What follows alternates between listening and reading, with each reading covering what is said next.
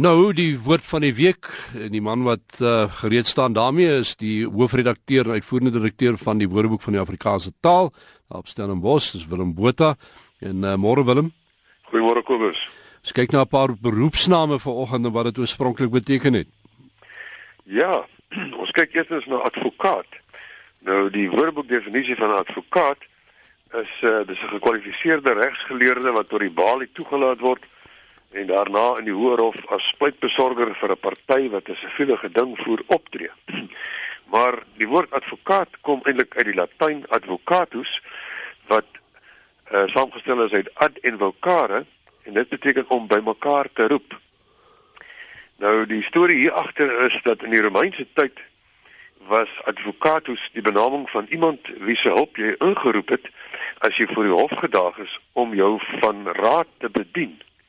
Nou oorspronklik was hierdie mense wat jy bymekaar geroep het, jou vriende in jou familie wat jy nou roep om saam met jou voor die regbank te verskyn en dan het jy nou probeer om deur getalle, deur 'n klomp mense te kry om jou ehm um, te help of mense van aansien te kry of mense wat deur hulle trane invloed kon uitoefen dat jy probeer om die regter te hmm. beïnvloed.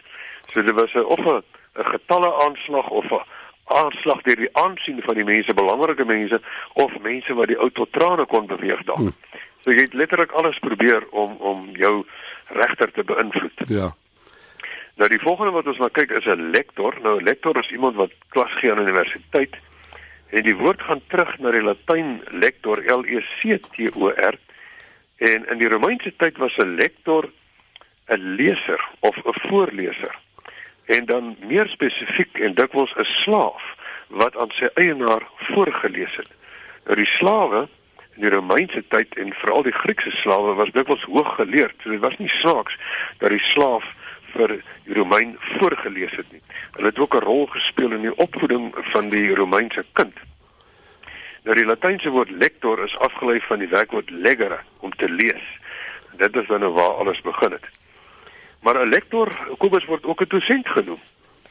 En wat nou interessant is, is dat die woorde dosent en dokter met 'n OR gespel, die akademiese dokter en die mediese dokter ER gespel, is almal van dieselfde latynse woord afgelei, naamlik doccere om te onderrig of om ander te leer.